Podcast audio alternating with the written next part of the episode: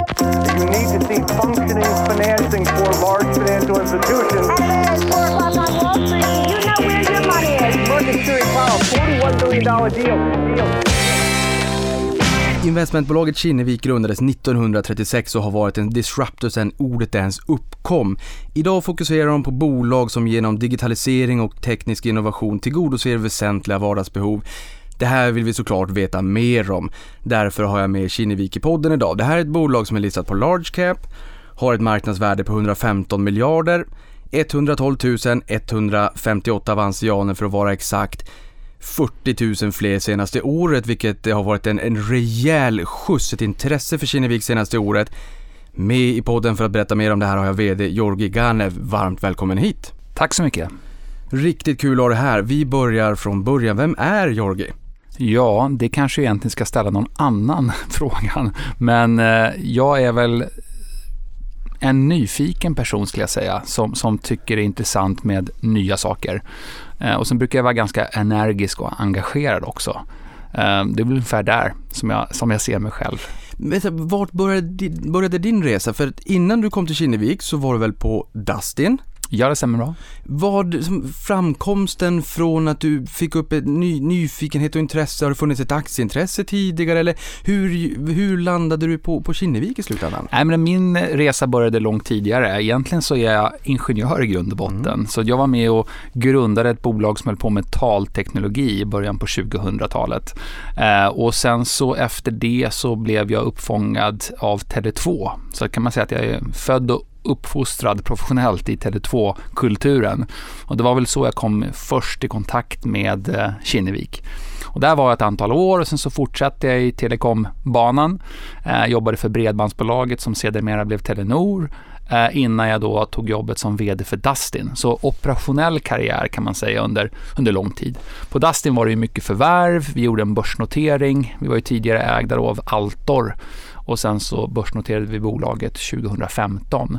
Eh, sen året efter, då tillträdde jag som eh, styrelseledamot i Tele2. Så min cirkel kan man säga blev, blev sluten när jag kom tillbaks till Tele2 igen. Eh, och eh, då blev det också en naturlig dialog med Kinnevik då som, som huvudägare i Tele2. Eh, och sen fick jag helt enkelt frågan 2017 ifall jag kunde tänka mig att komma till Kinnevik som VD. Vilket jag själv blev lite förvånad över för att jag hade som sagt var inte en traditionell investmentbakgrund eller jobbat på bank exempelvis utan, utan hade mer av en operationell karriär. Men efter eh, lite funderande och framförallt ett möte med, med huvudägarna och styrelsen så kände jag att det här är ju det mest spännande uppdraget jag kan tänka mig. Så att jag sa ja. Du ska bara veta hur glad jag blev i Boden när jag i gymnasiet insåg att Bredbandsbolaget äntligen kom och man fick en snabb uppkoppling. Jag kommer ihåg att det tog tre minuter per megabyte att tanka ner. Sen fanns Bredbandsbolaget där. Jag skolkade en dag från skolan och bara tankade ner hur mycket som helst. Jag vill bara säga det nu när du sitter Jag var så jädrans glad när man fick fiberaccess. Det var som en helt ny värld. Men jag tänker mig också när du fick den här frågan om Kinnevik. Traditionell bank eller investmentbakgrund. Det kanske är en styrka i det här fallet. Jag tror det. Framförallt om man går tillbaka eh, till vad Kinneviks egentligen DNA och kultur är så handlar ju det väldigt mycket om att dels förstå konsumenttrender och framförallt sen våga backa nya typer av entreprenörer och utmanare och bygga bolag som man kanske inte har sett riktigt tidigare. Det är det som har varit Kinneviks styrka och vi har även, tycker jag, fortsatt med, den, med, det, med det sättet att arbeta och framförallt också utmana, utmanat oss själva. Eh, så att jag tror att, att vara nära kunden och vara nära bolagens grundare och ledning och styrelse, det tror jag är en stor fördel. Ja, och utmana er själva, det har ni ju onekligen gjort historiskt också. Vi kommer komma in mer på det. Men berätta mer om Kinnevik. Vi har fått en, eh, Jorge, vi har fått en herrans massa nya människor till börsen de senaste åren, vilket också är jätteroligt. De flesta känner till Kinnevik skulle jag nog säga, men för de alla kanske inte riktigt gör det. Vad gör ni för någonting? Ja, vi investerar ju i bolag som med hjälp av teknologi kan utmana många traditionella branscher och se till att, att konsumenten får fler och bättre erbjudanden. Och det här har vi gjort många gånger förut. Eh, på 80-talet så utmanar vi så att säga, media och telekom monopolet. Eh, början på 2000 så var vi pionjärer inom online, handel på nätet. Och nu för några år sedan så började vi med andra typer av, av branscher där vi kan vara med och, och vara en viktig så att säga investerare som backar grundare inom digital hälsovård, mat på nätet och andra typer av konsumenttjänster. Så det är ju vad Kinnevik har gjort historiskt och vad vi fortsätter att göra. Så att vi letar efter de här konsumenttrenderna som vi tror kommer att accelerera över tid och så investerar vi hyfsat tidigt i de här bolagen. Och vi är långsiktiga, så vi är oftast med då från, från en, en tidig så att säga, fas till att bolaget är, är helt så att säga eh, självständigt och kan generera ett positivt kassaflöde. Men när du säger backar grundare, Mm. kommer vi någon gång få se att ni, jag menar, ni bygger ju ett ekosystem av duktiga människor inom sfären självfallet och du är ju ett exempel på hur man kan ta sig hela vägen upp till, till eh, vd-posten också och hitta duktiga människor i organisationen. Kommer ni någon gång att känna att men vi skulle vilja starta det här bolaget, den här trenden tror vi på, eller är det alltid att hitta redan etablerade bolag och grundare som har en, en marschfart och ett momentum och att ni, ni går in som ägare i det skedet? Ja, det är både och. Man kan säga så här att det är ju inte helt eh, ovanligt att vi ser eh, människor i våra bolag, både som grundare eller som en del i ledningen, som faktiskt haft en bakgrund inom något Kinnevikbolag. Därför att många bolag inom Kinnevik-sfären har varit entreprenöriella och haft ett visst typ av fokus och ett entreprenörskap som såklart vi värdesätter, men som också är väldigt framgångsrikt i många fall. Så det tror jag finns en, en naturlig koppling och vi med fördel så ser vi ju också att individer som har jobbat inom Kinnevik-sfären också prova på nya typer av roller i olika bolag. Sen till din fråga huruvida vi kan backa någonting redan från idén eh, så är väl det så att vi, vi väljer oftast att vänta lite längre idag tills det finns en affärsmodell på plats och den ska skalas upp. Kanske då internationaliseras, ut på nya marknader etc. Och anledningen för att vi väljer att gå in i den fasen det är att vi vill ha ett begränsat antal bolag i vår portfölj, cirka 30 stycken. För då kan vi vara en aktiv ägare och ligga nära våra bolag. Och skulle vi gå för tidigt i för många bolag, då skulle vi inte kunna ha den typen av modell. Nej, och det där kommer vi komma in på lite grann för det finns ju några bolag upp till nivån 30. Vi är väldigt nyfikna, jag förstår att det inte blir någon breaking news här kanske, men nyfikna på vad det skulle kunna tänkas bli. Vi kommer in mer på det snart. Men du sa ju att ni har eh, omdanat er själva, utmanat, utmanat er själva genom åren. Och, det är ju någonting man faktiskt, det, det är ju den känslan man har när man tänker på Kinnevik. Ni har ju ömsat skinn många gånger Eh, från basindustri och telekom och media och till den digitala konsumentmarknaden i allmänhet och numera mot hälsovård och dagligvaror i synnerhet. Ehm, den här eh, strategiska transformationen som ni nu genomgår, det här börjar ni med 2019. Berätta. Ja, man kan säga att egentligen så började den några år tidigare, men under slutet 2018-2019 så tog den verkligen fart. Och vi hade då identifierat nya områden där digitaliseringen inte hade kommit så långt, som exempelvis digital hälsovård och eh, mat på nätet. Två väldigt spännande trender som vi kommer komma in på under avsnittet. Men någonting som har fascinerat mig, det är när jag fick veta att internetpenetrationen globalt kanske inte var lika hög som man kanske hade kunnat tro. Säg att varannan människa på planeten har internetaccess. Det här måste ju vara en fantastisk både strukturell tillväxt och megatrend för er på riktigt lång sikt. Självklart. Jag skulle säga att vi har ju sett ett skifte över lång tid från det vi kallar för offline-kanaler, det vill säga traditionell handel, till nätet och online-kanaler. Och branscher som exempelvis mode har kommit lägre än till exempel mat. Så det vi gjorde, vi identifierade mat som ett område där digitaliseringen inte hade kommit särskilt långt, där penetrationen i Norden var faktiskt lägre än 2 så färre än 2% av alla handlade mat på nätet. Och det såg vi som en fantastisk möjlighet, med självklart också utmaningar, men det är ju det vi tycker om. Uh, när vi ser att det finns en möjlighet med utmaningar, då tror jag också det kan finnas en entreprenör som kan lösa problemet. That's the spirit. Hur ser då investeringsfilosofin ut? Ja, den är ju att baserat på de långsiktiga trender vi ser, tratta ner det här till ett antal sektorer och sen gå vidare till ett antal bolag där vi ser starka team som har då definierat en affärsmodell som vi tror är lönsam på sikt. Bolaget behöver absolut inte vara lönsamt när vi börjar investera, men vi ska kunna se en väg till lönsamhet. Och vi ska också se att vi kan spela en tydlig roll i den här investeringen, för vi vill vara en aktiv ägare, tillföra kunskap som exempelvis hur man då internationaliserar ett bolag. Vi kan ta med oss lärdom från andra branscher exempelvis. Eh, och när vi ser det, då bestämmer vi oss ofta att gå in i ett bolag med ambitionen att stötta bolaget flera gånger med mer kapital över tid tills det slutligen når egen lönsamhet. Det här är så oerhört intressant. Jag tror att det var amerikanska börsen, säg 2018. 80% av bolagen kom in, gick inte med vinst bottom line. Sen kan man ju ibland blanda ihop begreppen där. Liksom, intäkter hade de ju, men de gick inte med vinst bottom line för de var ju i den fasen av livscykeln att det var tillväxt som var prioriterad. Sen någon gång så kommer ju lönsam tillväxt självfallet. Ni pratade ju på er kapitalmarknadsdag just om det här med path to profitability och som du säger, de behöver inte alls vara lönsamma bottom line idag, men så länge det finns en väg, liksom någon form av tanke bakom var, när, när, var och hur når vi lönsamhet och då, ni kan ju vara en långsiktig ägare såklart. Eh, hur, hur tänker ni kring det där med, med vinst idag kontra icke vinst idag? Ni, det här är det ni gör, ni är ju proffs på det här. För er är det ju inte läskigt att investera i bolag som inte går med vinst bottom line idag, för ni gör ju er hemläxa. Men hur riktigt tänker ni där och vad, vad väger ni in i de här orden, path to profitability? Jo, men det, det är en väldigt relevant fråga och jag skulle ta ett exempel så blir det lite mer konkret. Ta handel av mat på nätet. När vi tittade på den affären och den möjligheten så såg vi att det är några saker som ska falla på plats för att det faktiskt ska kunna bli en lönsam affär. För det första så måste du ha tillräckligt stor volym, annars får du ingen skala i din verksamhet.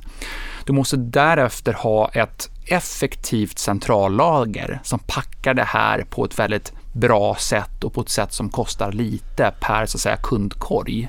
Men sen behöver du också ha en tillräckligt hög densitet, det vill säga tillräckligt många kunder inom ett bestämt område. För har du inte det, då behöver du åka ut med en lastbil eller någon transport till en gata, ett villaområde och sen hem igen. Det kommer aldrig vara lönsamt, utan du behöver ha en densitet. Och med de stora penseldragen kan man då se tror vi att det här bolaget som vi investerar i, i ett ganska tidigt skede, i det här fallet så var det exempelvis ett norskt bolag som heter Kolonial, tror vi att bolaget har en förmåga att leverera på de här tre viktiga parametrarna och framför allt har bolaget ett team som vi tror kan genomföra den här exekveringen. Självklart kommer det med en risk, men som investerare så är vi också här för att faktiskt ta kalkylerade risker. Men vi hade en väldigt, väldigt tydlig hypotes från början att det här teamet som faktiskt har en modell hur det här ska fungera kommer att fixa det.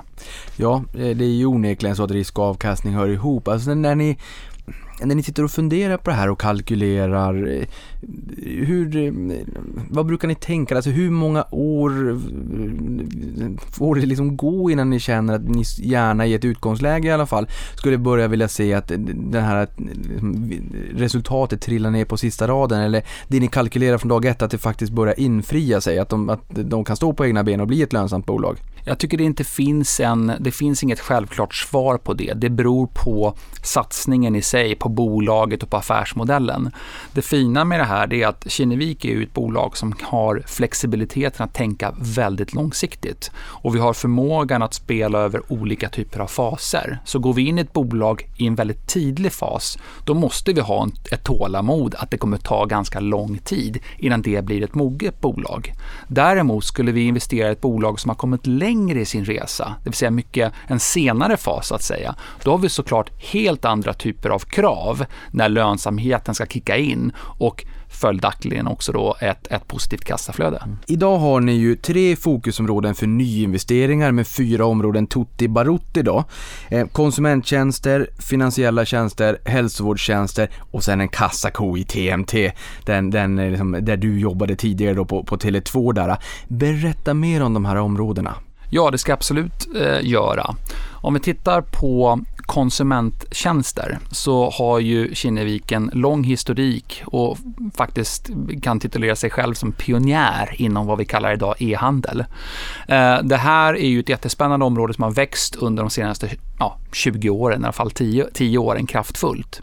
Det vi har gjort inom det här området är att vi har identifierat nya så att säga subsektorer eller branscher då som inte har kommit lika långt i digitaliseringen. En, ett sånt exempel är ju då mat på nätet som har blivit en egen så att säga, huvudkategori eller ett huvudfokusområde för oss. Men vi har också sett andra typer av digitala affärsmodeller eh, inom bland annat fastigheter, resor etc. Där vi kan applicera samma marknadstänk eh, som vi har sett inom e-handel och mode på nätet i, på de här kategorierna. Då. Så det är konsumenttjänster. Sen har vi då finansiella tjänster som kan också brytas ner i ett antal olika eh, delsektorer eller områden. Där ser vi också fördelen av att förstå de här konsumenttjänsterna, konsumenttrenderna. För att genom att vi har varit länge inom de branscherna så har vi lärt oss väldigt mycket vad som är viktigt för slutkonsumentet och vad är, vad är viktigt för en handlare. Och den kunskapen kan vi då applicera när vi investerar i bolag som löser de problemen och utmaningarna med sina finansiella tjänster.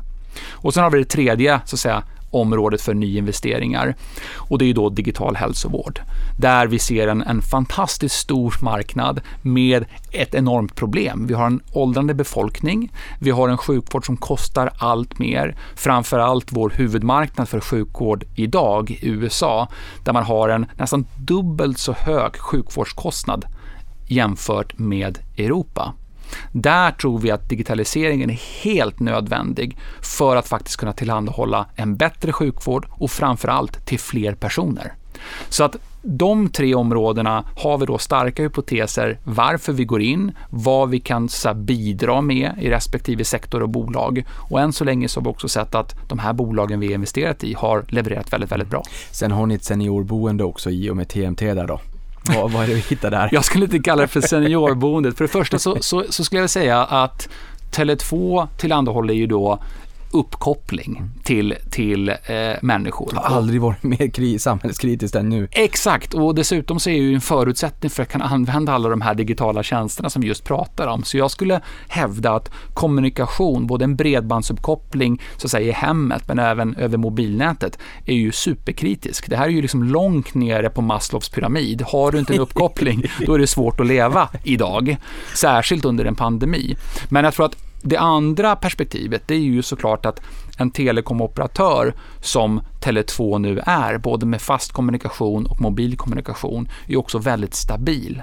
Och när vi då i vår portfölj har många bolag som kanske ses mer som snabbväxande techbolag, då är det väldigt, väldigt skönt att ha en, en stabil spelare som Tele2 som genererar ett stabilt kassaflöde och intäkter till oss i form av utdelning. Så det är både så att säga en stabilitet i form av ja, portfölj, i portföljkoncentration så att säga, men också det faktum att vi vet att kommunikation kommer bara bli allt viktigare framgent. Och det här kommer vi också in på lite senare med, med dynamisk kapitalallokering. Men jag tänker mig, en gång i tiden så pratar man om eh, Korsnäs i Kinnevik som, som eh, kassakon, guldkalven eller kalla det vad man vill. Det är ju Tele2 idag. Jag ska, inte, jag ska inte sticka under stolen med att Tele2 är det bolaget som mest kan liknas vid vad Korsnäs var för Kinnevik historiskt. Därför det är det enda bolaget som genererar ett stabilt kassaflöde som dessutom delas ut till aktieägarna. Så där har du ju likheten. Eh, så det stämmer. Däremot skulle jag säga att Tele2 är ju ett mycket mer digitaliserat bolag än vad Korsnäs var. Så det passar ju på ett sätt bättre in och ihop kanske med de övriga bolagen i portföljen. Ja, men man bara reflekterar kring ehm, ett fastighetsbolag exempelvis. Ta ett Balder som har 59% hyresbostäder, säkra kassaflöden in hela tiden och finansierar nybyggnation och nyförvärv och allt vad det är. Och så har vi Tele2 i ert fall som ger kassaflöden och kan faktiskt göra att ni kan då vara med och finansiera era tillväxt investeringsbolag, antingen i en venture-del eller en growth-del som vi kommer in på, de olika faserna ni har. Det, det känns ju väldigt genialiskt av er på något sätt att ni, ni vet att ni ändå förhoppningsvis, vi hade ju lite torka i fjol på utdelningar, men, men just att det, det, kommer in slantar som kan vara med och, och, finansiera de här investeringarna i de här unga bolagen och kanske också om det skulle komma en kris att inte pengarna torkar upp. Kapitalmarknaden finns ju alltid självfallet i kreditmarknaden, men just att eh, hela den här setupen med eh, Tele2 som en dividend payer då som ni kallar det, som borgar för de här slantarna som ni, ni allokerar in i, i yngre bolag med fin tillväxt framåt det är ju genialiskt. Ja, jag tycker du sammanfattar det ganska bra. Ja, ja, men det är genialiskt tänkt av er. Men, men vilket område är, och, och visst, det kan man, kanske man tycker, jo men det är, väl, det är väl enkelt, det är väl ingen rocket science. Nej, kanske inte, men det är fortfarande genialiskt. Så, så vilket av de här områdena är störst, växer snabbast och, och mest lönsammast då? Men backa bandet lite grann och gå tillbaks till 1 januari 2018. Jag säger absolut inte att allt började hända då, bara för att jag började. Men, men, men däremot så känner jag ju väl till vad som har hänt därefter. Och då var ju eh, portföljen ganska annorlunda från vad den är idag. Då var så att säga, det fanns det tre stora noterade bolag som alla utgjorde ungefär 90% av portföljvärdet. Så resten, om man får använda det uttrycket, var mindre än 10% faktiskt. Idag så är den delen betydligt större. Och tar jag ett exempel så digital hälsovård var då eh, ungefär 3% av det totala portföljvärdet. Idag börjar det bli snart en fjärdedel av hela portföljen. Så vi har gjort en fantastisk så att säga, tillväxtresa i form av värdeökning i ett relativt nytt område vilket också visar på potentialen att bygga stora bolag ganska snabbt idag. Jag menar, skalbarheten är ju snarare exponentiell Åk med rätt investerare, rätt kapital i ryggen, men framför allt ett väldigt starkt grundarteam. Då kan man skapa idag väldigt stora bolag på relativt kort tid. Men, och hur navigerar man den där terrängen? Man ska vara försiktig med att säga it's a new economy, men it's a new economy på något sätt. Jag brukar ta exemplet med Electronic Arts och Apex Legends där de fick 10 miljoner spelare på 72 timmar. Mm. Och jag menar, ni lever i en digital värld där man kan ha en global marknad ganska snabbt om det slår rätt så att säga. Och det känns som att många bolag också, nu tar vi amerikanska marknaden kanske mycket techfokus där, många bolag kommer mycket snabbare till börsen idag än vad man gjorde förr i tiden. Då är det väl bra att man har den här path to profitability också, att även om man inte är lönsam idag, man vill till börsen, man vill springa snabbt, man vill bli etta eller kanske etta, tvåa i alla fall någonstans. Och man kanske inte har råd att stå utanför börsen om, om man blir, vill bli ledare inom sin, i sin nisch. Men, men vad, vad liksom skapar det för utmaningar då i en digital värld? Allting som du säger, allting går ju så himla fort idag. Ja, först och främst så tror jag att alla bör vara ödmjuka inför att när det går snabbt uppåt, då kan det gå snabbt neråt. Upp som en sol. så, så, ja, så det är det första. Att, att, att jag tror att volatiliteten, den finns ju här. Det är väldigt, väldigt tydligt. Så det vi gör när vi investerar i bolag, det är att titta mycket mer på de här underliggande underliggande drivarna som jag var inne på. Vad har egentligen affärsmodellen för långsiktig lönsamhet? Hur tittar vi på teamet? Hur tittar vi på möjligheten att expandera och så vidare? Stämmer det och vi ser att bolaget levererar på sin plan eller helst ännu bättre, då vet vi att det är ett bolag med hög kvalitet. Då är vi mindre bekymrade om vi ser så att säga, svängningar i multiplar i det korta perspektivet. För Kinnevik investerar väldigt sällan med ett kvartal i åltanke. jag skulle säga aldrig. Utan vi tittar ju då på liksom 5, 10, ibland kanske 20 års horisont. Och i det perspektivet så tror jag att risknivån går ner att investera i tillväxtbolag om du har den långsiktigheten. Men sen så är det en annan sak som du är inne på, det är när ska man notera ett bolag och hur ska man utnyttja som bolag de här då höga värderingarna? Och den tror jag är, är jätteintressant. Jag Personligen så tror jag att det finns en fördel för vissa bolag att vara privata lite längre. Därför att börsen kommer med andra typer av krav. Det vet jag ju själv som börs både för Kinnevik men även i tidigare operationellt uppdrag. Och ibland tror jag att det kan vara lättare för ett grundarteam att fokusera på tillväxtresan i en privat miljö. Men det är också ett sätt att skaffa kapital och därmed också få en så pass stor kista som man kan göra tilläggsförvärv eller trycka på gasen och växa mycket snabbare. Så för vissa bolag så är det kanske inte så lätt att tacka nej till det om man nu har siktet inställt på att bli just en vinnare i sin egen kategori. Så jag tror att frågan är ganska svår när tajmingen är rätt, men det är helt uppenbart att idag finns det mycket kapital tillgängligt och det är det som gör att bolag kommer till börsen tidigare och tidigare. Det är ett bra medskick där också om kvartalskapitalismen och även fler sparare där ute, inte minst eh, vissa kanske som lyssnar på det här också, det är värt att påminna om att man, man gärna får våga vara långsiktig i flera år, 5, 10, 15, 20, 30 år. Det hinner hända rätt mycket magi där. Ni har levererat en, en totalavkastning på 16% om året de senaste 30 åren i genomsnitt. Eh, och sen pratar vi om, om 7% om året på börsen. Det är klart att eh, slår det till väl och det, om man visar att man har ett värdeskapande track record historik. Varje procentenhet gör skillnad. Så uppenbarligen så är det inte helt fel heller att ta de långsiktiga glasögonen på sig. Men tittar vi på sammansättningen av portföljen och portföljvärdet så har vi konsumenttjänster 57%. Eh, finansiella tjänster 2 det här är per balansdagen i fjol då. Mm. TMT, eh, Tele2 här då 19 Ehm, Ehm, hur, hur kommer den här utvecklas framåt tror du och varför har finansiella tjänster en sån liten del? Nu har vi förstått att, att fokus är eh, hälsovård och eh, mat men ehm, är det en liten del? Är det orättvist att säga att det är en liten del i finansiella tjänster? Hur kommer den här utvecklas över tid? Jag tycker inte det är alls orättvist för det är vad den är. Den är liten och jag skulle säga att det kommer sig av två anledningar. För det första har vi sett eh, stora möjligheter som jag var inne på tidigare inom just mat men också framförallt eh, ska jag säga digital hälsovård. Så den större delen av kapitalet som vi har investerat under de senaste tre åren har gått just till de sektorerna, inte till finansiella tjänster. Så det är en av anledningarna. Det andra är att när vi tittar på finansiella tjänster så har vi också frågat oss själva i vilken del i värdekedjan kan Kinnevik tillföra mest värde? Mm. Är det att backa stora konsumentvarumärken på finansiella tjänster-sidan? Eller är det kanske snarare att bygga en portfölj av så att säga spelare som hjälper eh, e-handlare och andra inom våra digitala sektorer att göra ett bättre bygga en bättre affär.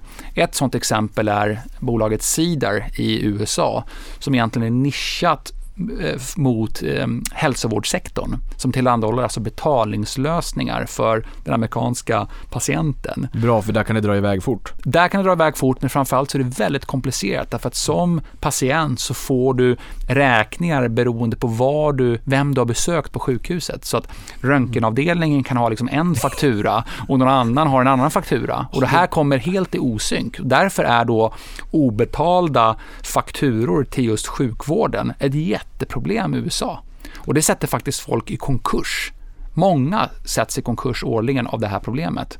Så det här är egentligen en betalningsaggregator för just sjukvårdsproblemen. Det är ett exempel där vi går in då med vår kunskap om hälsovårdssektorn, vår kunskap i finansiella tjänster och kan ganska tidigt i ett sånt här bolag se den här lösningen och hur det här teamet ska klara av att bygga ett stort bolag. Det bolaget Sidar värderades alldeles nyligen då till, till lite över 3 miljarder dollar. Eh, och det är ju då en, ett relativt stort bolag där vi var med då eh, från en ganska tidigt skede fantastiskt exempel. Jänkarna de gillar ju sina checkar också.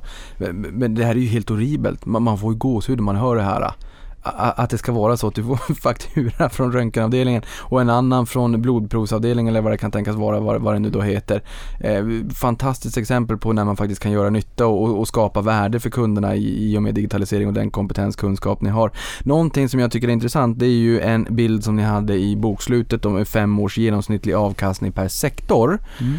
Och här ser vi konsumenttjänster 15 inte fy skam, fördubblar värdet vart femte år då. Finansiella tjänster 4% hälsovårdstjänster. Här tänker man att pandemin måste ha gett en rejäl skjuts för här står det 120 Och sen har vi TMT 15, som sagt inte fy skam. Utvecklingsmarknader eh, 0 där, i, totalt viktad genomsnitt 15% Om vi börjar med hälsovårdstjänster. Det måste ha varit ett, ett enormt digitalt språng under pandemiåret 2020, även om det här är ett femårssnitt. Ja, men det stämmer. Jag skulle säga så här, det vi gjorde, det var ju då att leverera på den strategi vi hade tagit fram, satsat i några av de här bolagen inom digital hälsovård. Exempelvis det bolaget som, som heter Babylon Health som finns i vår portfölj som håller på med både någon form av telemedicin, det vill säga virtuell eh, mottagning då. Eh, kan liknas kanske vid en Min doktor eller Kry, eh, fanns mer internationellt skulle jag säga. De har också en väldigt imponerande ska jag säga, plattform eh, som de med hjälp av data och AI kan hjälpa sjukvårdspersonal att ta bättre beslut och göra dem mer effektiva.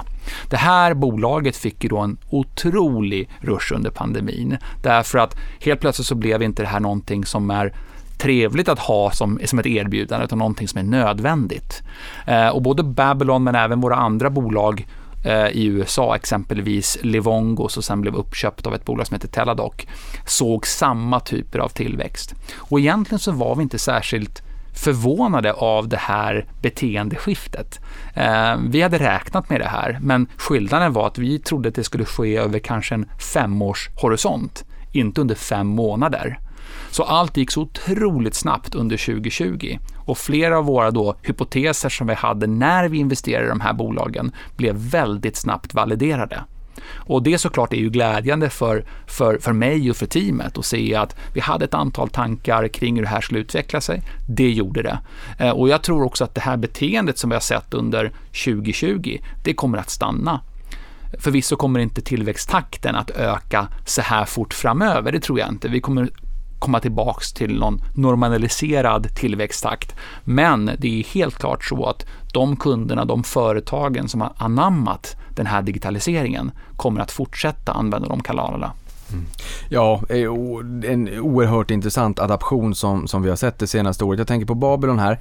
Ehm, eh, där kom det information om att man kanske planerade en eventuell notering. Hur ställer ni er till det och förändrar det er bild när ni helt plötsligt eh, blir delägare i ett bolag som går in i en noterad miljö?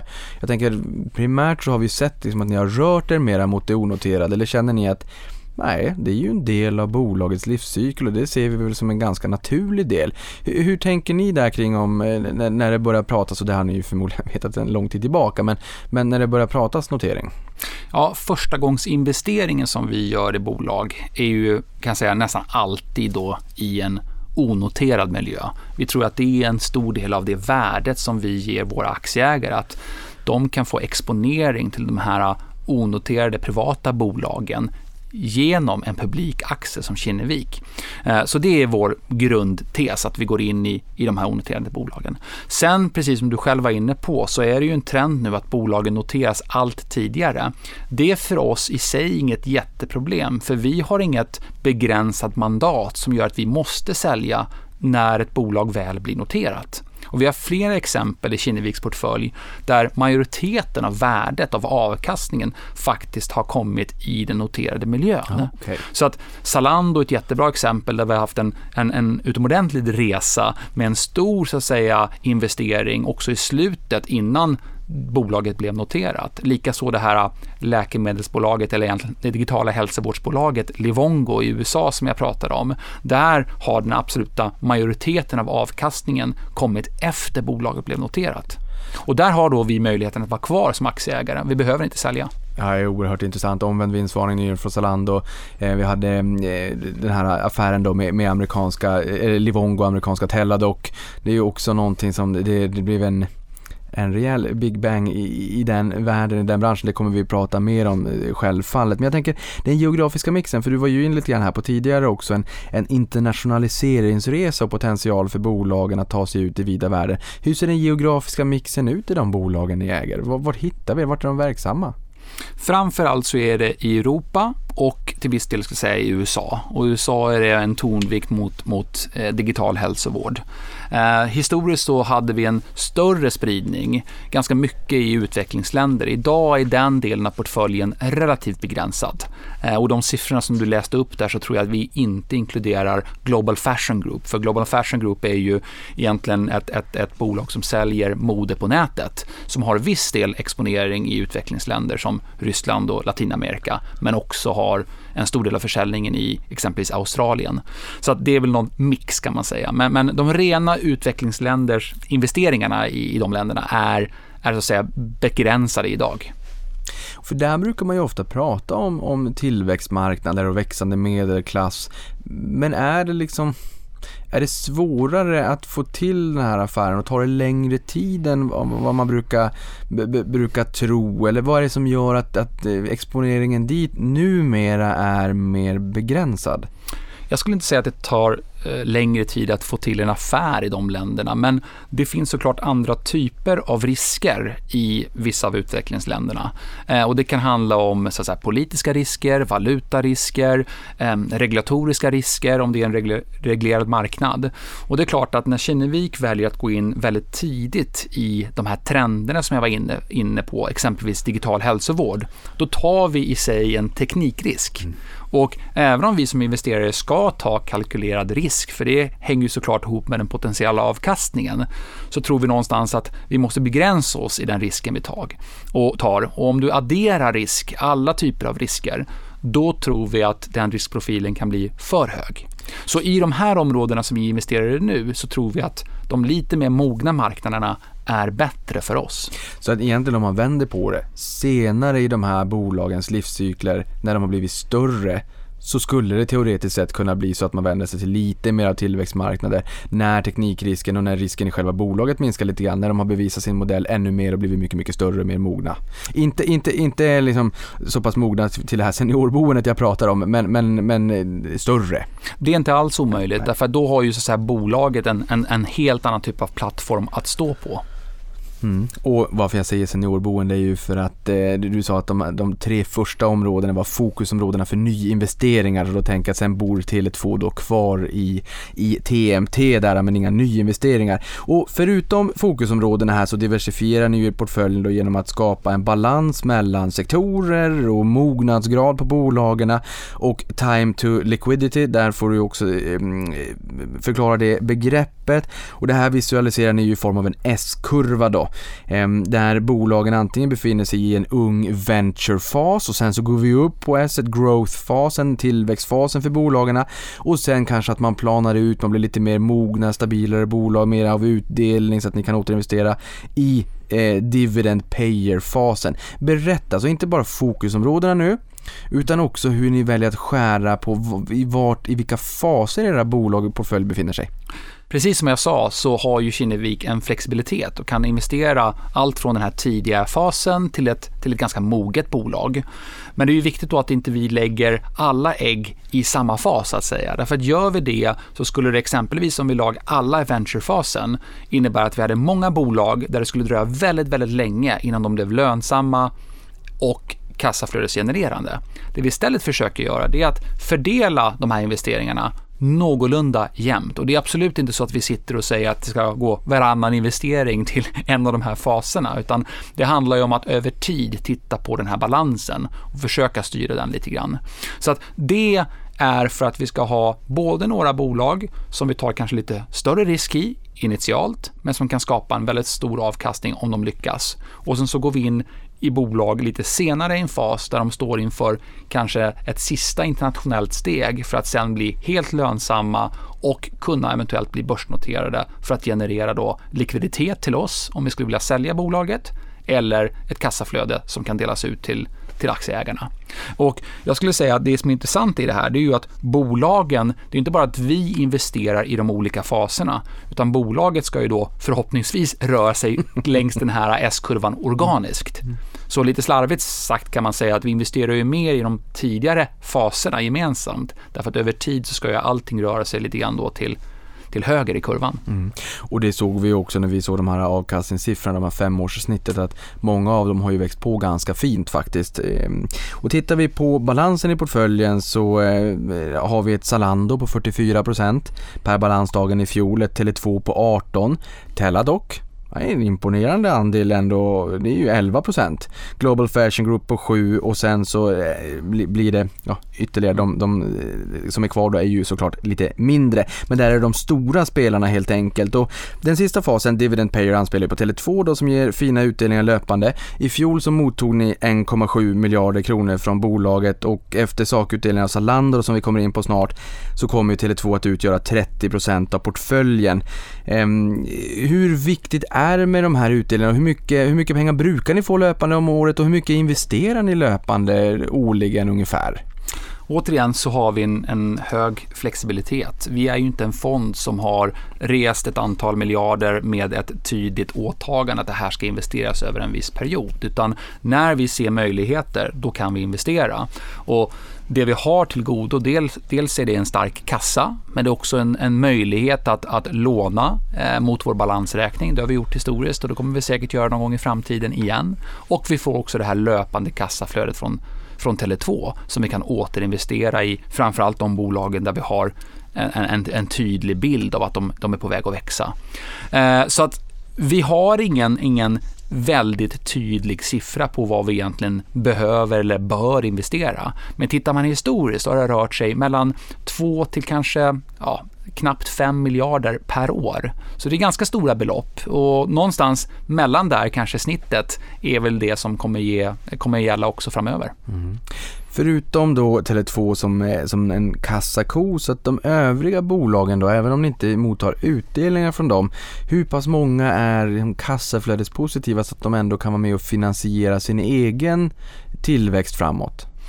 Eh, det är ju färre bolag såklart i den här tillväxtportföljen mm. som är där. Vi ska ju ha en tydlig bild att de är på väg dit. Så om de inte genererar ett positivt kassaflöde, då ska det ju framför allt bero på att de investerar väldigt, väldigt mycket just i tillväxt. Det är kanske det man också ska förvänta sig, att det, är, att det är så som är normalscenariot, det är så det ska se ut lite grann. Det ska man absolut förvänta sig, men vi kan också ta exempel som Global Fashion Group som under 18-19 hade en tillväxt men ingen lönsamhet. Under under föregående år visade inte bara tillväxt på så att säga ebitda-nivå utan faktiskt även på kassaflöde. Så där har ju också bolaget under ganska kort tid gått från att vara ett icke lönsamt bolag till att vara ett självfinansierade. Men det sagt så skulle jag säga att det bolaget fortsättningsvis kommer prioritera tillväxt över lönsamhet. Och det gäller ju även ett stort bolag som Zalando. Zalando skulle kunna vara ännu mer lönsamt idag om det hade prioriterat lönsamhet. Men med en liten del av modemarknaden som man, som man egentligen har i sin kundbas jämfört med vad man skulle kunna ha så finns det ju såklart all anledning att fortsätta driva tillväxten nu när vi vet att modellen håller och är väldigt, lön, väldigt lönsam. Zalando kommunicerade ju alldeles nyligen här på sin kapitalmarknadsdag att målet är att ta 10% av den europeiska modemarknaden. Och det är ett högt ställt mål och då måste man då satsa på tillväxt. Vad pratar vi om för total adresserbar marknad? Hur mycket handlar det om när man säger 10% av den europeiska modemarknaden? Det måste ju vara ett hiskeligt belopp. Ja, det är ett hiskeligt belopp och den totala marknaden är 450 miljarder euro. Oh, herregud. Så det är ju en, en, en stor marknad och tar man 10% av den då är man ett, ett riktigt stort bolag. Men det är därför jag säger det att även om ett bolag är lönsamt och genererar eh, lönsamhet så kan det fortfarande vara så att det är klokt att fortsättningsvis fokusera på tillväxt. Ja, men man kan väl ändå tycka så här att många bolag som kommer in, inte minst kanske på amerikanska marknaden, de går inte med vinst bottom line och de har väl någon form av past profitability, men det känns ju väldigt tryggt ändå med er som professionell, mångårig erfaren ägare som kan fokusera på de här bolagen som har gjort en hemläxa och där vi vet att det är ju tillväxt som ska premieras. Eh, för de ska växa och bli större och det är det vi gillar när vi sitter och tittar på vilken avkastning vi har fått historiskt och drömmer och så vidare fram på framtiden. Så att det, det är ju det man också får förvänta sig att det, det här är ju inte en mogen fas. Då, då, är man inte under utveckling så är man under avveckling. Så att någonstans så tycker jag att det låter bra att ni fokuserar på tillväxt och lönsamheten kommer längre fram. Men ni har ju sagt att ni då har en målbild om 30 bolag. Du får rätta om jag har fel nu. Jag tror att det ska vara 26 och sen så får vi en sakutdelning av Zalando. Då är det 25 men då saknas det fem bolag. va, va, vad skulle det kunna bli tror du? Ja, men det är samma sak där med vårt, vår gui guidning. Det, vi man vet aldrig när det kommer. Nej, men man behöver inte vara exakt på 30 bara för, för, att vi säger att vi ska gärna inte ha fler än 30 i portföljen. Men det vi egentligen säger till marknaden, det är att nu börjar vi närma oss taket. Det vill säga, det är ungefär ett bolag in, ett bolag ut. Det vill säga att vi kommer att vara lite mer dynamiska när det handlar också om att se vilka bolag passar inte in i vår strategi. Eller var vi kommit till, en, till ett läge där vi kanske inte tillför lika mycket som en aktiv stor ägare. Så sakutdelningen av Zalando handlar ju absolut inte om att inte vi tror på Zalandos framtid. Tvärtom, vi är väldigt, väldigt trygga med att Zalando kommer att generera bra aktieägarvärde och bra kundvärde inte minst under många år framgent. Men vår bild det är att våra aktieägare idag i Kinnevik har egentligen möjligheten att avgöra om de själva vill fortsätta vara ägare i Zalando direkt, inte via Kinnevik. Eller om de hellre skulle vilja sälja då sina inlösna aktier och ta ut den här så att säga, utdelningen i kontanter. Det är ju den, det valet man har. Och samtidigt som vi gör det så ökar vi då också då andelen bolag i portföljen som är då onoterade och i en tidigare fas. Vilket vi tror ökar så att säga attraktionen att just köpa in sig i Kinnevik om man vill ha den exponeringen. För att Zalando kan man ju äga direkt själv. Men, men det har aldrig varit diskussion om en parallellnotering? Jag skulle säga att, att den tanken har ju såklart varit någonting som vi har, har tänkt på internt. Vi har även haft eh, det i dialog med, med bolaget. Eh, men en, en så parallellnotering är i så fall väldigt viktig att den tillför värde även för Zalandos övriga aktieägare, inte bara Kinnevik och Kinneviks aktieägare. Och i dagsläget ser man inte det, att det tillför det värdet. Och då är det bättre, tycker vi, att tänka på bolagets så långsiktiga modell och föreslå en utdelning av tyska aktier. Det är ju ganska många aktieägare som, eh, som kommer stå inför det här beslutet om huruvida man ska behålla sina Zalando-aktier eller inte. Eh, som sagt, vi har en, en, en bra bit över 100 000 avansianer som är aktieägare i Kinnevik och som vill följa på er resa framåt. Då blir man så nyfiken på vad är Zalando egentligen? Så är det ett konfektions modeklädbolag eller är det en digital plattform med de här tredjepartsförsäljningar? Jag, såg en helsida Dagens Industri för, ja, det är väl någon månad sedan, där man som tredjepartsaktör skulle in och via deras Retail Connect och, och då blir man alldeles sådär varm i kroppen. Man tänker att det här är inte bara ett klädbolag. Det här är ju liksom en digital plattform där man kan big data och logistik. Ja, ta vid här Jorgi, vad mm, är Zalando för någonting egentligen? Jag tycker det är en, en eh, oerhört relevant fråga och det är intressant att du har sett även då så att säga reklam för hur man som en traditionell återförsäljare eller varumärke ska koppla upp sig mot, mot Zalandos plattform. För ni säljer via H&M exempelvis Arket. Ja, och jag skulle säga att jag definierar definitivt Zalando som en brygga mellan å ena sidan ett antal varumärken och partners, å andra sidan en väldigt många eh, kunder som vill komma åt de här grejerna online. Och Det är det som är det fina med Zalando därför att många andra stora försäljare av mode på nätet har ju blivit mer ett eget varumärke och större delen av försäljningen drivs ju just av egna varumärken och där hamnar man lätt i konkurrens med de partners som man har. Medan Zalando har väldigt tydligt sagt att nej, vi ska vara egentligen varumärkens bästa vän och se till att de kommer fram via våra kanaler. Och det är delvis det som du nämnde som heter Retail Connect som är då att även eh, varumärken med sina egna fysiska distribution, det vill säga butiker, kan koppla upp sig via Zalando och utnyttja de butikerna som en del i distributionsflödet. Så Zalando är definitivt en skalbar teknikplattform som möjliggör för de här varumärkena att nå kunderna digitalt. Mm, där hör du som lyssnar på det här. Får du ta och fundera lite grann på om du ska behålla dem eller inte efter sakutdelningen. Det, det verkar ju onekligen, ja men jag tycker att det är spännande med det här, plattformar, plattformar växer ju. Och det spelar ingen roll om det är kläder eller om det är resor eller om det är spel eller vad det än kan tänkas vara, så spel som dataspel, konsol och mobilspel. Ehm, mm, eh, intressant, för det gör ju man, det gör de ju också lite unika. Jag menar H&M har ju varit solskenshistoria, grundades 47, kom med på börsen 74. Men att de också väljer att, ja dels Tmall i Kina men sen också Zalando i Europa. Det är ju en, det är ju en fjäder i hatten. Ni har ju byggt upp någonting unikt får man ju säga, eller ni då som i Zalando. Um, hur kommer du göra?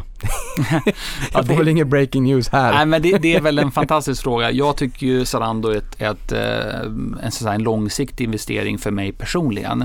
Sen kan jag inte låta bli att bli väldigt fascinerad av att jag skulle kunna frigöra lite kapital i just den utdelningen och återinvestera det i Kinnevik. Som vd i Kinnevik så, så är jag ju närmast den resan såklart. såklart. Så, så det ligger väl liksom eh, så som mina tankar går. Sen har jag inte tagit ett beslut för att vara helt ärlig. Då kan vi väl beta av den frågan som jag har i slutet. Det här, det, du följer ju naturligtvis pilotskolan.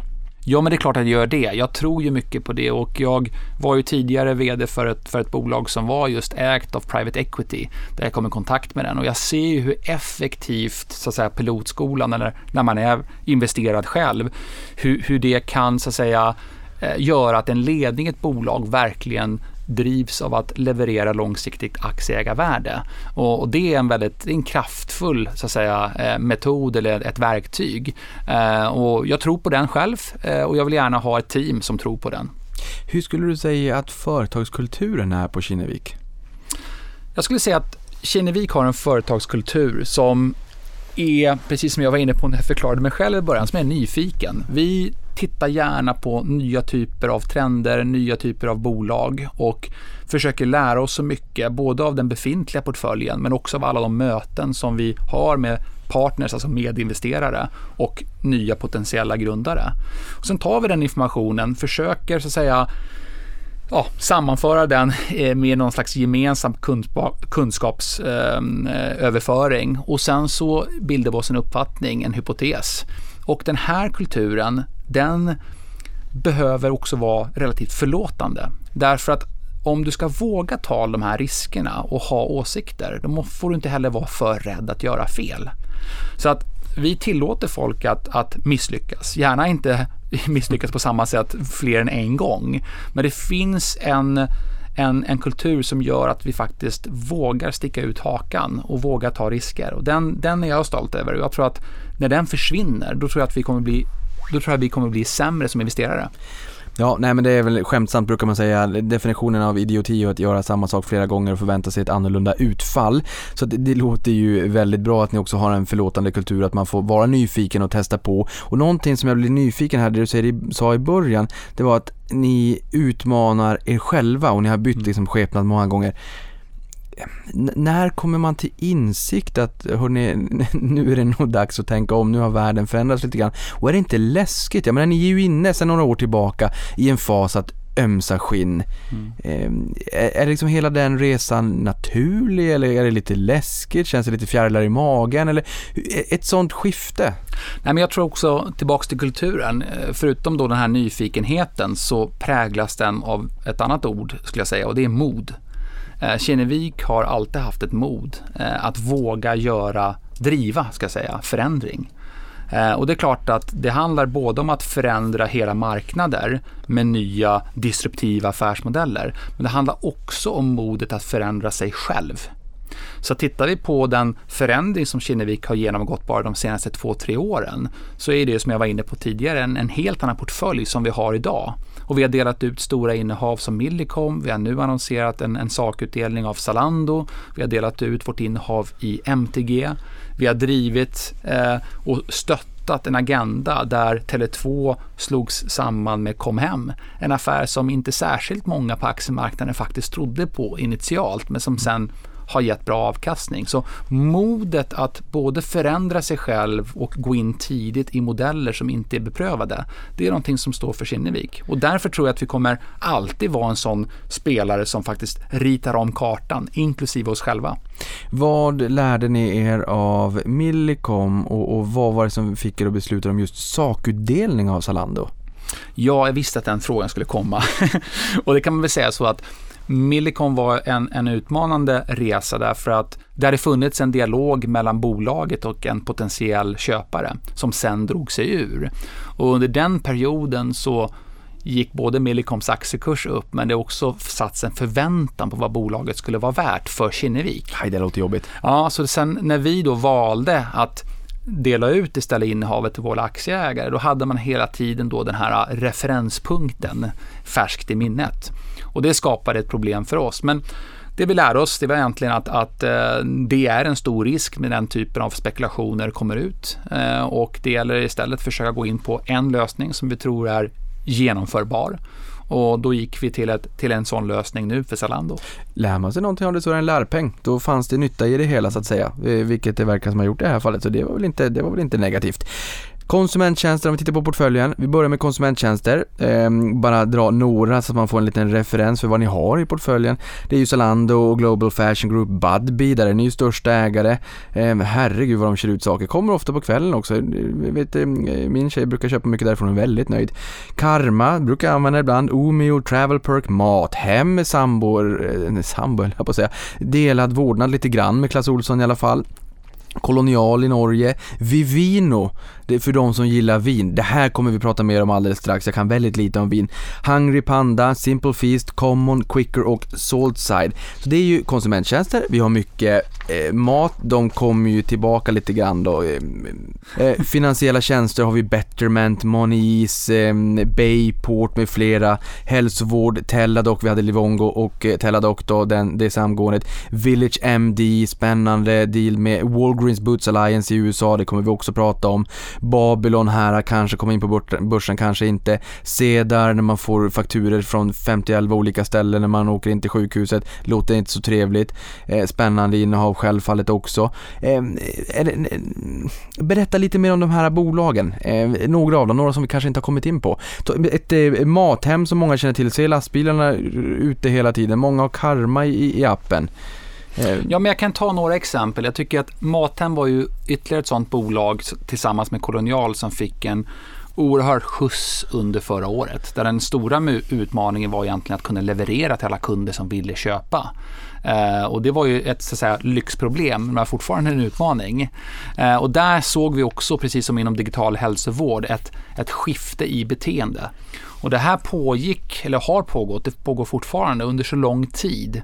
Så beteendena nu, de nya beteendena börjar bli invanda och man märker hur praktiskt det är faktiskt att göra en större del av sina inköp på nätet och varför inte just då mat. Och de undersökningar som vi har sett visar att man sparar upp till 90 minuter i veckan på att just handla mat på nätet. Tid är den ultimata valutan. Ja, Det vet och- man om man har barn också. Precis, och så jag tror att det här är någonting som, som kunderna kommer att fortsätta att, att använda sig av. Men vi har också då tillbaks till den här S-kurvan vi pratar om. I portföljen så har vi en del bolag som är då lite mer mogna som har en affärsmodell som är mer beprövad nu där vi verkligen ser antingen lönsamhet eller att man är väldigt nära lönsamhet. Och ett sånt är då Village MD som är ett- också ett bolag inom den amerikanska hälsovårdssektorn som under förra året skapade då det här samarbetet eller fick Walgreens Boots Alliance som investerare som nu möjliggör för Village MD att skala upp sin verksamhet väldigt, väldigt, väldigt fort. Så det tror vi är ett sånt innehav som, som kan fortsätta utveckla, utvecklas positivt baserat på det här partnerskapet. Men berätta lite mer om Village MD. För den här kan vara en... Det finns ju de självfallet som har stenkoll på era innehav. Men det kan också vara en sån som flyger under radarn för vissa. Berätta lite mer. Ja, det är klart, man måste ju vara lite insatt i den amerikanska hälsovårdssektorn och eh, om jag ska försöka förenkla det så kan vi börja med att säga att primärsjukvården är till viss del obefintlig i USA. Det vill säga du, du kommer ganska snabbt direkt till sjukhuset. Eh, och det här är ju dels drivet på att strukturen ser ut så, det vill säga sjukhusen är ibland sina egna profit center som ser då besöket som en transaktion. Och det är inte särskilt bra för att det finns då ett så att säga negativt incitament att se till att, att eh, patienten inte kommer till sjukhuset. Så med hjälp av mer en, en, primärvård längre så här, ut i kedjan så kan man då förhoppningsvis proaktivt se till att patienten inte blir så pass sjuk så han eller hon måste besöka ett sjukhus. Och det är där Village MD kommer in i bilden. Sen har också Village MD då eh, använt då data, eh, Eh, ett bra tekniskt system så att man kan vara mycket, mycket proaktiv än en normal primär, primärvårdsinrättning. Så att man kan se till att du som patient får den vården du behöver väldigt tidigt och därmed undvika att du kanske utvecklar en kronisk sjukdom. Så det blir en situation som är väldigt bra för bolaget, för patienten men också för samhället i stort. Jag tänker, eh, Karma, Mm. det är en app som jag tycker är fantastisk. Den, den är jättetrevlig. Men jag såg värdet fick stryka på foten lite grann i bokslutet. Eh, nu får du rätta om jag har fel. Min manliga intuition säger mig att det borde vara ett bolag som befinner sig i venture-delen av S-kurvan. Eh, bara måla upp scenariot för oss. Om vi då säger, eh, eller har jag rätt om jag säger venture-delen av S-kurvan? Det, du har helt rätt. Det- deras resa. Och, och, och jag menar att- de, att de får stryka på foten lite grann värdemässigt, ja ja, och man kanske inte och besöker och plockar upp mat som, eh, som eh, gårdagens mat så att säga idag om man inte är på jobbet och man inte rör sig lika mycket i, i miljön men, men liksom, själva idén är ju fantastisk och det där lär ju få sitt uppsving. Jag håller med dig. Det är en fantastisk app och en fantastisk tjänst. Den adresserar ju ett extremt stort problem som vi har på den här planeten. Ungefär en tredjedel av all mat som produceras eh, går helt enkelt till svinn. Eh, och det är ju förskräckligt. Så får det inte vara. Och det Karma gör, det är ju att se till att mat som är fullt ätbar, men som egentligen är nästan tänkt att kastas eller kommer att kastas faktiskt kan säljas till ett, till ett billigare pris. Utmaningen för Karma under föregående året initialt i pandemin, det var ju att folk rörde sig mycket mindre ute och framförallt restauranger fick också svårare att upprätthålla sin verksamhet.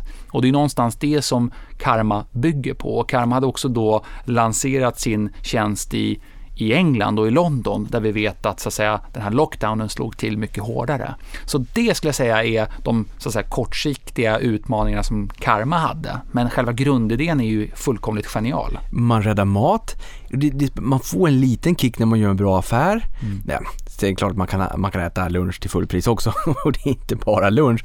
Men det är ändå roligt. Och sen tänker jag också när man är inne i den där appen, man hittar ju nya ställen som man kanske inte hade gått till i vanliga fall. Och för de restaurangerna, eh, fiken och allt vad det är som, har, som, som använder sig av karma, de får ju en foot traffic. Och sen ser man de där supersaftiga bullarna eller den här goda lunchmenyn eller vad det är. Och sen kanske man går dit nästa gång och så betalar man fullpris. Det ju, borde ju vara ett värde för de som använder karma, alltså bolagen också. Alltså att få in trafiken i butiken, restaurangen, fiket eller eller vad det kan tänkas vara och upptäcka nya, nya delar, nya, nya destinationer att gå till. Det stämmer absolut. Dels har vi då en, en, en en sån effekt av att man faktiskt upptäcker nya ställen och det är ett sätt att driva trafik. Men det är också så att för de här ställena så kostar faktiskt matsvinn en del. Det är ju sopor som ska hanteras på ett speciellt sätt och det är klart att istället för att lägga en peng på att faktiskt ta hand om fullt ätbar mat så kan man då via Karma sälja den och få en, en så att säga ett bidrag till ett lägre pris så att kunden också är nöjd. Mm. Så återigen, eh, idén är genial, grundarteamet är superstarkt och har en stark vision så att det är klart att vi kommer se mer tillväxt i Karma. Kul! Budbee Budbee. De kör eh, jättemycket, de levererar mycket mm. till oss också. Nio största ägare, 85% av svenska befolkningen e-handlade i fjol. Det låter som eh, rätt positionerat. Ja, och inte bara Sverige, för att Budbee finns ju då i Sverige, Danmark, Finland, Holland och ska nu fortsätta sin expansion. Så det är ett bolag som har växt oerhört snabbt. Och det här är ju precis ett sånt område som vi har gått in i för att vi tycker oss förstå ekosystemet kring e-handel. Vi har investerat där under väldigt lång tid. Vi har personer i teamet, däribland jag, som vet hur e-handlare tänker och vet hur e-handelskonsumenter tänker. Och det vi tidigt såg, det var att själva leveransen av så att säga, din produkt som du har köpt är ibland det mest avgörande ifall du som kund ska vara nöjd med ditt, ditt köp eller inte. Och det är den enda gången i ett inhandelsköp du träffar en person fysiskt. Och istället då för att stå och köa på ditt utlämningsställe så är det såklart mycket smidigare att få din produkt hemkörd till dörren, alternativt hämta ut den i en box när du själv vill göra det. Så Budbee har då också, kan man säga, eh, på grund av den här, eller tack vare den här ökade digitaliseringen och ökade e-handeln under föregående år växt oerhört starkt. Och nu ser vi att Budbee har blivit en möjliggörare för e-handlare att både öka sin kundlojalitet och öka sin kundnöjdhet. Det här är så oerhört intressant. Det kom in ett bolag på amerikanska börsen nyligen som heter Copang. Sydkorea, sydkoreanerna, de är galna, de har 96% internetpenetration eh, och, och, och, där eh, bor eh, 70% av befolkningen på 51 miljoner 2018, det vill säga 35 miljoner människor bor inom 1,1 mil från logistikcenter. Man kan beställa vid midnatt och så har man det levererat innan sju på morgonen dagen efter. Vi är långt ifrån där, men jag tänker ändå Budbee som någon form av möjliggörare och man kanske också ser när man, man ser Budbee-loggan som leveransalternativ att det också stärker och kanske ökar eh, konverger, eh, konvergeringar, ökar konverteringarna och att det blir liksom ett starkt varumärke, man vet man är nöjd, man får snabba leveranser. Är det rättvist att säga att ni är lite grann pionjärer inom snabba leveranser inom e-handel? För att ta bort eh, hinder och friktion. Jag skulle säga att Budbee är definitivt det. Och det ser vi ju i de marknader som de rullar ut sitt erbjudande. Eh, som exempelvis Holland som jag nämnde, som är kanske på ett sätt en lättare marknad att adressera för att landet är så litet. Så där kunde ju så, så att säga Budbee ge nationell räckvidd från dag ett. Medan ett, ett stort land som Sverige med en befolkning som är framförallt eh, kring de storstadsregionerna. Där har man inte kanske en nationell täckning från dag ett givetvis. Men Budbee kan då sänka friktionen för e-handelsköp och det ser ju också e-handlarna idag i sin statistik med hjälp av Budbee att kunder som har fått en leverans med Budbee kontra en annan typ av leverans handlar oftast fler gånger och ökar frekvensen. Och det här är ju oerhört intressant, men det går tillbaka till det jag sa. Om kundnöjdheten och dessa leveransupplevelsen är god, då är sannolikheten att du gör ett återköp högre. Och det Budbee också gör nu, det är att de har ju en app eh, så att när du, om du laddar ner den så får du din leveransinformation i appen. Men du kan också där söka efter den varan som du beställde och göra en beställning från samma handlare igen mycket, mycket snabbare. Så att vi tror ju någonstans att man kan nästan vända på hela modellen. Vad är viktigast ibland när du gör ett inköp? Jo, det är att leveransen ska bli smidig och gå fort.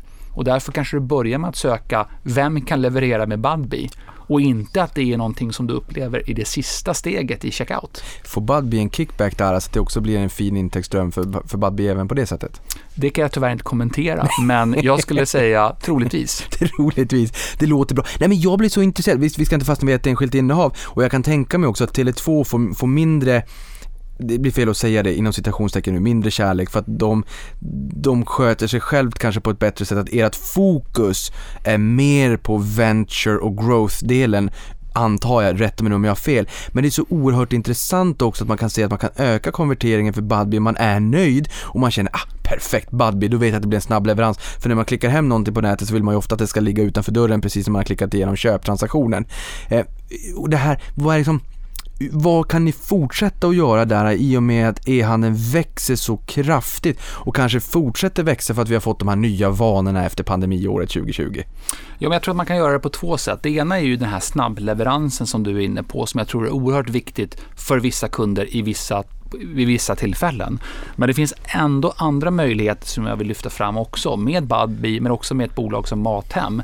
Och det är ju att aggregera fler leveranser eller fler produkter i samma leverans. Låt säga att du beställer från fyra e-handlare. Då kanske du bara vill ha en hemkörning, inte fyra hemkörningar. Och det kan ju ske då genom att Budbee, om du beställer flera leveranser via, då, via dem, samlar de här paketen i en och samma leverans. Det är bättre för miljön, det är oftast en bättre kostnad för e-handlaren och därmed en bättre tjänst för konsumenten. Mathem har vi egentligen samma typ av tankesätt. Om du handlar mat en gång i veckan på nätet och får din kasse hemkörd, i den kassen kan du då nu, som du känner till och som du nämnde, beställa dina Clas Ohlson-produkter. Helt plötsligt får du då leveransen på samma gång. Det är ju bättre för miljön än att beställa separat via Clas Ohlson och det är också klart också billigare att hantera den beställningen för e-handlaren. Kommer vi att se mer av den typen av, av korsbefruktning, synergier mellan olika bolag? Jag är helt övertygad, mm. därför att någonstans så tror jag att alla vill gå mot att det ska vara effektivare och därmed också bättre för miljön. Det vill säga att vi minimerar antalet onödiga utkörningar. Så att den här aggregeringen som kommer att ske både då som ett Mathem, exempelvis Kolonial eller Budbee, det tror jag vi kommer se mer av. Mm. Vi ska gå vidare till nästa innehav, det är bara så roligt att fråga. För det, det, menar, det är också roligt när det är konsumentnära varumärken som man känner igen från sin vardag. Det, det är kul att få höra det liksom eh, sväva ut kring de här. Men det finns många som gillar vin.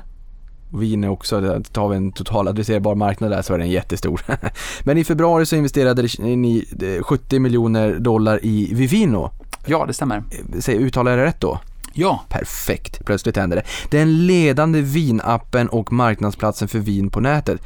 Även om jag inte är speciellt duktig på det här, jag tycker att det här är så nedrans spännande. Och jag ska också, innan jag släpper in det här Jorgi, så, så det här kan man ju mm, lämna recensioner på vin och sådär och jag tror till och med man kan scanna vinflaskor på restaurangen och få en massa information. Och jag hittade en recension här där de säger oj oj, ett medium mörkt vin till färgen som doftar kaffe, björnbär med lite plommonton i smaken och är silkeslen med smak av björnbär, blåbär och lite kaffe. Det var mycket det här. Men eftersmaken är otroligt len och en ton av vanilj ligger på tungan länge. Otroligt gott vin vin för dessa pengar. Jack Len, han har tydligen lämnat 747 betyg. Och det är ju det här när man går in på en sajt, hotels.com, man kanske inte riktigt läser in allt vad, vad hotellet säger och hur fantastiskt det är. Man läser recensionerna. Jag tycker att det här är en fantastisk idé. Mm. Berätta mer, vad var det som fick er att investera i Vivino och berätta mer om vad det är för någonting? Ja, men återigen, när vi investerar så försöker vi då se självklart vad bolaget har gjort, men det är minst lika viktigt att förstå potentialen framgent vad det här bolaget skulle kunna göra med mer kapital och det är där vi kommer in såklart som investerare i bilden, men också med mer kunskap. Hur kan vi hjälpa med den erfarenheten vi har i vårt nätverk det här bolaget att göra sin affär ännu bättre? Och i fallet Vivino då så är det ju superimponerande. Det är ju grundat av två danska personer som har då för, för ungefär tio år sedan skapat den här appen Vivino och byggt vad som idag är världens mest nedladdade vinapp. Vi pratar 50 miljoner användare. Och på den här appen, eller i den här appen, så kan man då skanna sin vinflaska som, som du nämnde och få reda på massor med saker. Och 1,5 miljarder inskanningar har skett sedan den här appen startades. Och det är 12 miljoner unika vinflaskor i den här databasen. Och den här typen av recensioner som du just läste ur, det finns alltså då 75 miljoner sådana här recensioner och 200 miljoner ratings där man egentligen gett vinet en stjärna, från en stjärna till fem stjärnor. Och det är klart att med den databasen och professionella sommelierer som jobbar på Vivino så kan man skapa en fantastisk digital sommelier som hjälper dig med just att hitta det vinet som du tycker om och som också passar till kanske rätt maträtt eller ja, en, en ostbricka eller vad det nu må vara. Och det Vivino har gjort de senaste åren det är också då konvertera den här typen av kunder som jag pratade om som är väldigt engagerad till just försäljning som har blivit en marknadsplats. Och vi tror att potentialen är enorm. De har idag egentligen bara sålt till ungefär 1,5 procent av sin användarbas. Så vi är väldigt tidiga i, i, i bolagets så här, utveckling. Men det är oerhört spännande. Och just den här datainsamlingen, det är ju den som är väldigt, väldigt, väldigt kraftfull. Som är svår för någon annan spelare att ta igen på kort tid. Ja, det är oerhört intressant. Det bygger vallgravar och det blir någon form av nätverkseffekt om det är 50 miljoner användare. Och eh, riktigt spännande även för mig. Jag som sagt är ju inte jätteduktig på vin. Gillar du vin? Jag gillar faktiskt vin, så mm. att, eh, det måste jag säga att det här appen är, det är någonting som jag använt själv. Nu var det inte därför vi investerade, men jag känner till den och jag vet också att den är väldigt imponerande just att du kan få både professionella recensioner skriver av en sommelier, men du kan även få då andra användare. Och det är intressant apropå det här med hur man kan bli inspirerad av, av eh, karma som du sa, att man hittar nya ställen. Så är det absolut med Vivino. Mm. Så att genom att då ja, dricka ett vin som du tycker om, som du ratear högt, då kan ju även då appen föreslå att du borde även tycka om det här vinet. För det gör andra som tycker om det vinet du just drack. Så det är lite den här, det Amazon egentligen var pionjär inom, att, att du som har läst den här boken borde tycka om den här boken. Och det gör ju ingenting om det nu bara är en och en halv procent. För jag menar Dropbox när de kom in till börsen, jag vet inte vad det var, 2-3 procent. De växte jättekraftigt. De har en jättestor bas av gratisanvändare som sen konverterar och där får de en pool av användare. Spotify samma sak. Det är ju många bolag som använder på det här sättet och jag har väl sett att det är fortfarande imponerande tillväxt för det här bolaget. Så det behövs ju inte att det är jättemånga av hela kundbasen som handlar vin via plattformen för att det ändå ska vara hygglig intjäning. Nej, det som är viktigt här också är att komma ihåg att en stor kostnad kostnad oftast för e-handlare eller någon som vill sälja sina varor, det är ju marknadsföringskostnaden. Men har du då en sån stor kundbas som är lojal och är engagerad, då är ju såklart den kostnaden väldigt, väldigt låg. Det gör att Vivino kan idag till och med visa lönsamhet baserat på den försäljning de har.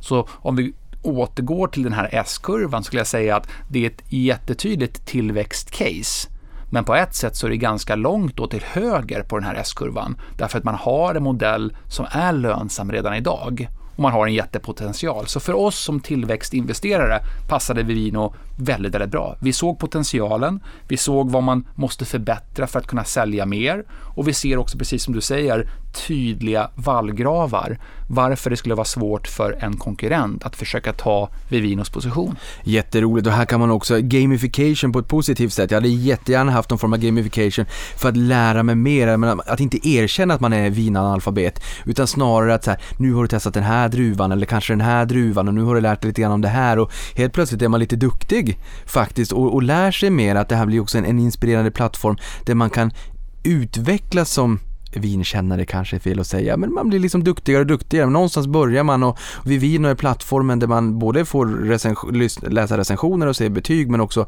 lär sig mer om det här och liksom i sin vinresa. Du nämner eh, Moat eller vallgrav.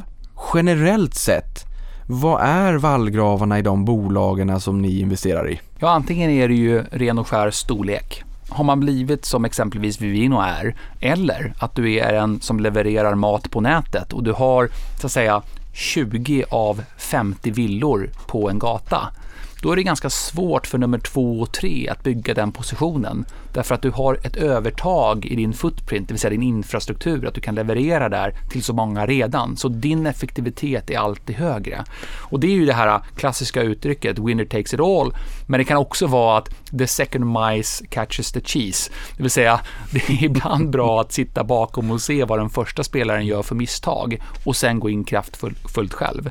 Det jag egentligen försöker säga då, om vi ska lämna de här klyschorna, det är, de är väldigt att, bra. Det, det är att om man bygger en stark kundbas eller en stark så att säga, bas av data, då kan det vara svårt i en digital värld för nummer två eller nummer tre att utmana den spelare. Vi har sett det så många gånger förut. Men en moat kan även vara att du gör någonting på ett speciellt sätt som bara du kan, som gör dig effektiv. Det vill säga du tjänar pengar i en lågmarginalbransch etc. och du bygger en viss volym. Det kan vara svårt för andra att utmana dig, för det finns helt enkelt inte så mycket på den här bruttomarginalen som man kan kriga med. Så att det finns många typer av vallgravar eller moats. Vi tittar oftast på det när vi investerar i bolag. Därför det är klart att ett bolag med högre vallgravar eller, eller större vallgravar gör ju det mycket då enklare för oss att, att vara säkra på att man har lite försprång gentemot konkurrenterna.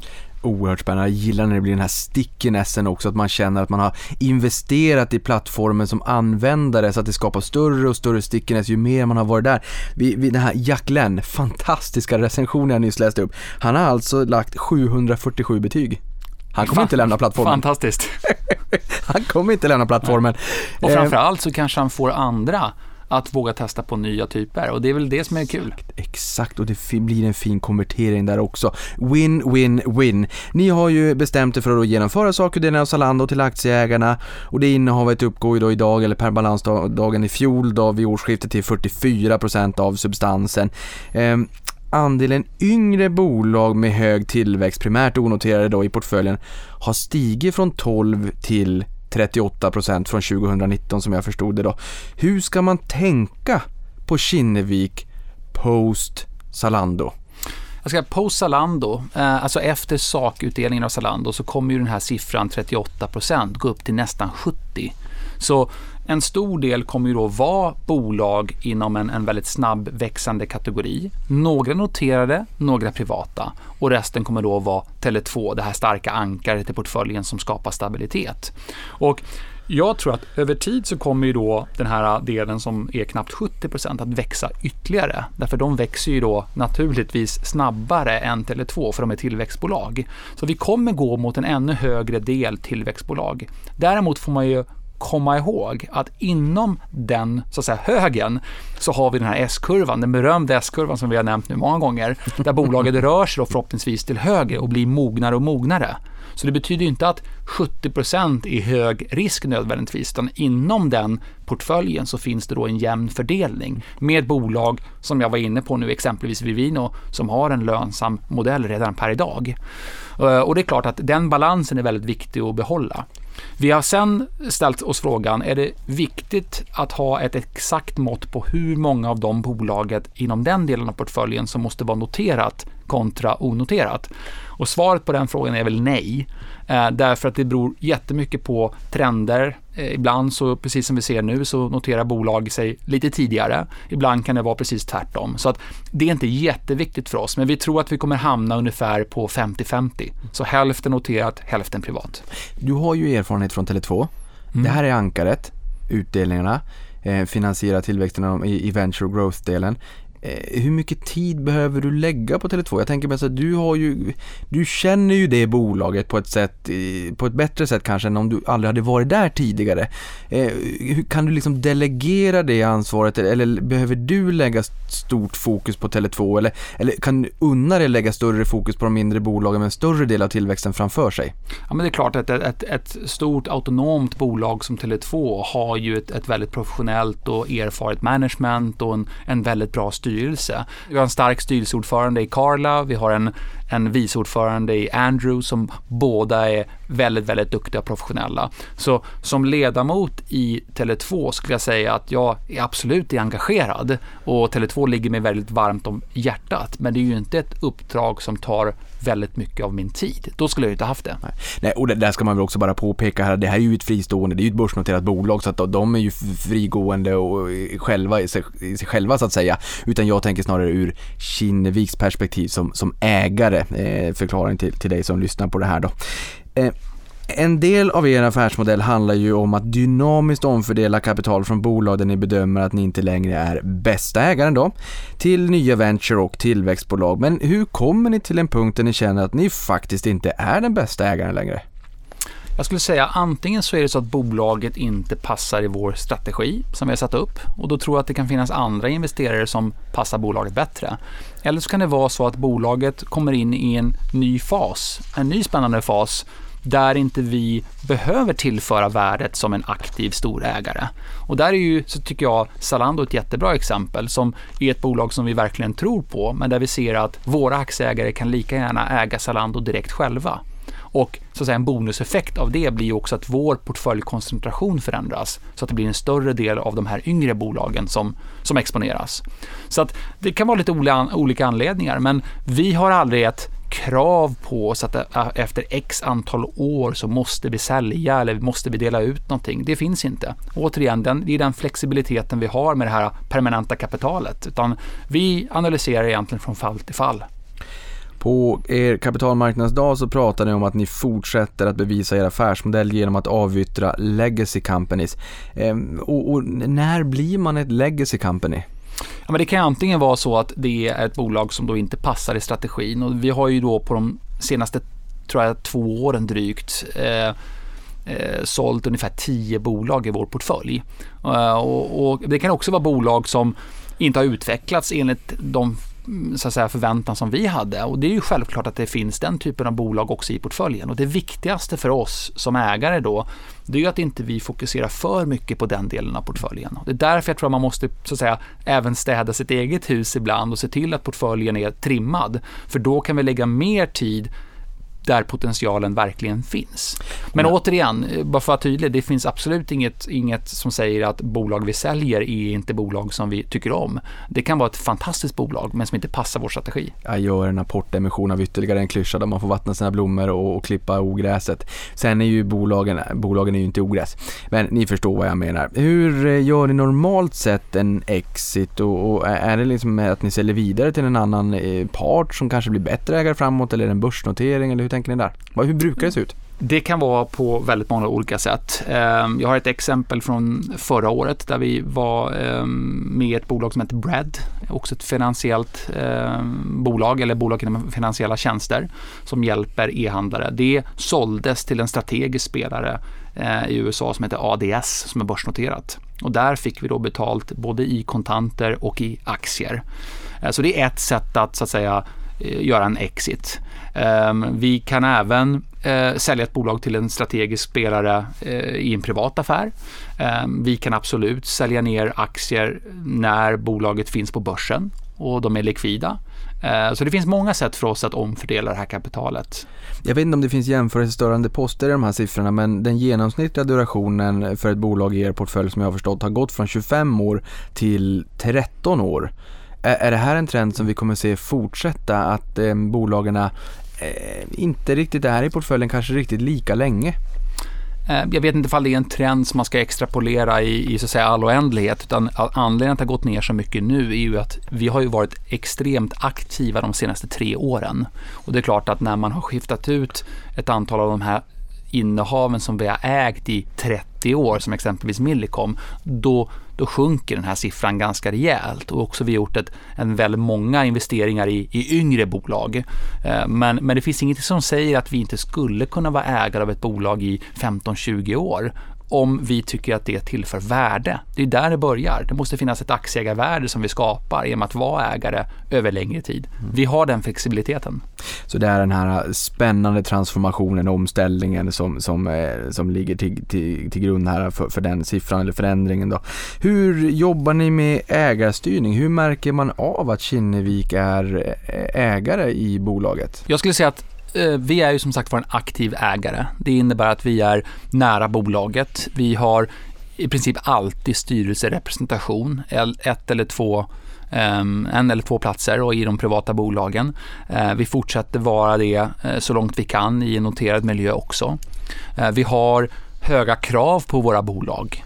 Inte bara när det gäller finansiell avkastning utan också när det kommer till hur de hanterar risker, hur de hanterar styrningen, hur de hanterar frågor som eh, hållbarhet på miljösidan men också inom mångfald och inkludering. Där vi är helt övertygade om att bolag som eh, är seriösa på de här områdena också kommer att ha en kommersiell fördel. Både när det gäller att attrahera nya kunder och nya medarbetare. Så det är frågor som vi tycker är viktiga och vi vill vara tydliga med det som investerare. Både från den första dagen vi investerar men också under hela så att säga, bolagets livscykel. Hur stora ägarandelar vill ni ha i bolagen ni investerar i?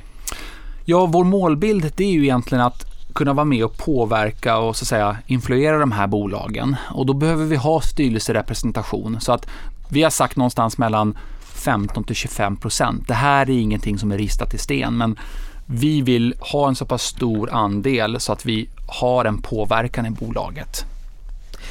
Ni har ju både en matvision och en hälsovårdsvision och vi har ju kommit in på båda de här områdena då. Och här ser ni ju självfallet att vi står inför stor eh, omställning och jag tycker eh, det, det, förstår man redan när man läser era ord där ni säger att i Norden har matsektorn historiskt dominerats av stora offline-aktörer. Det måste vara en online-spelare som, som eh, benämner de stora matbutikerna och matkedjorna som offline-aktörer. Vad, vad liksom vad, vad, har vi framför oss? Ett jätteskifte här, både liksom mat och hälsovård. Ja, vi tror ju såklart att i en, en, en värld så kommer det finnas en kombination av fysiska butiker och onlinehandel. Men vi är också övertygade om att om man startar från ett vitt papper som en ren online-spelare, då har du ett egentligen försprång där det kommer att bygga en effektiv modell för just eh, handel på nätet. Och det är väldigt intressant. Därför polariserar vi lite grann i den diskussionen när vi pratar om online och off offline-handel. Superspännande.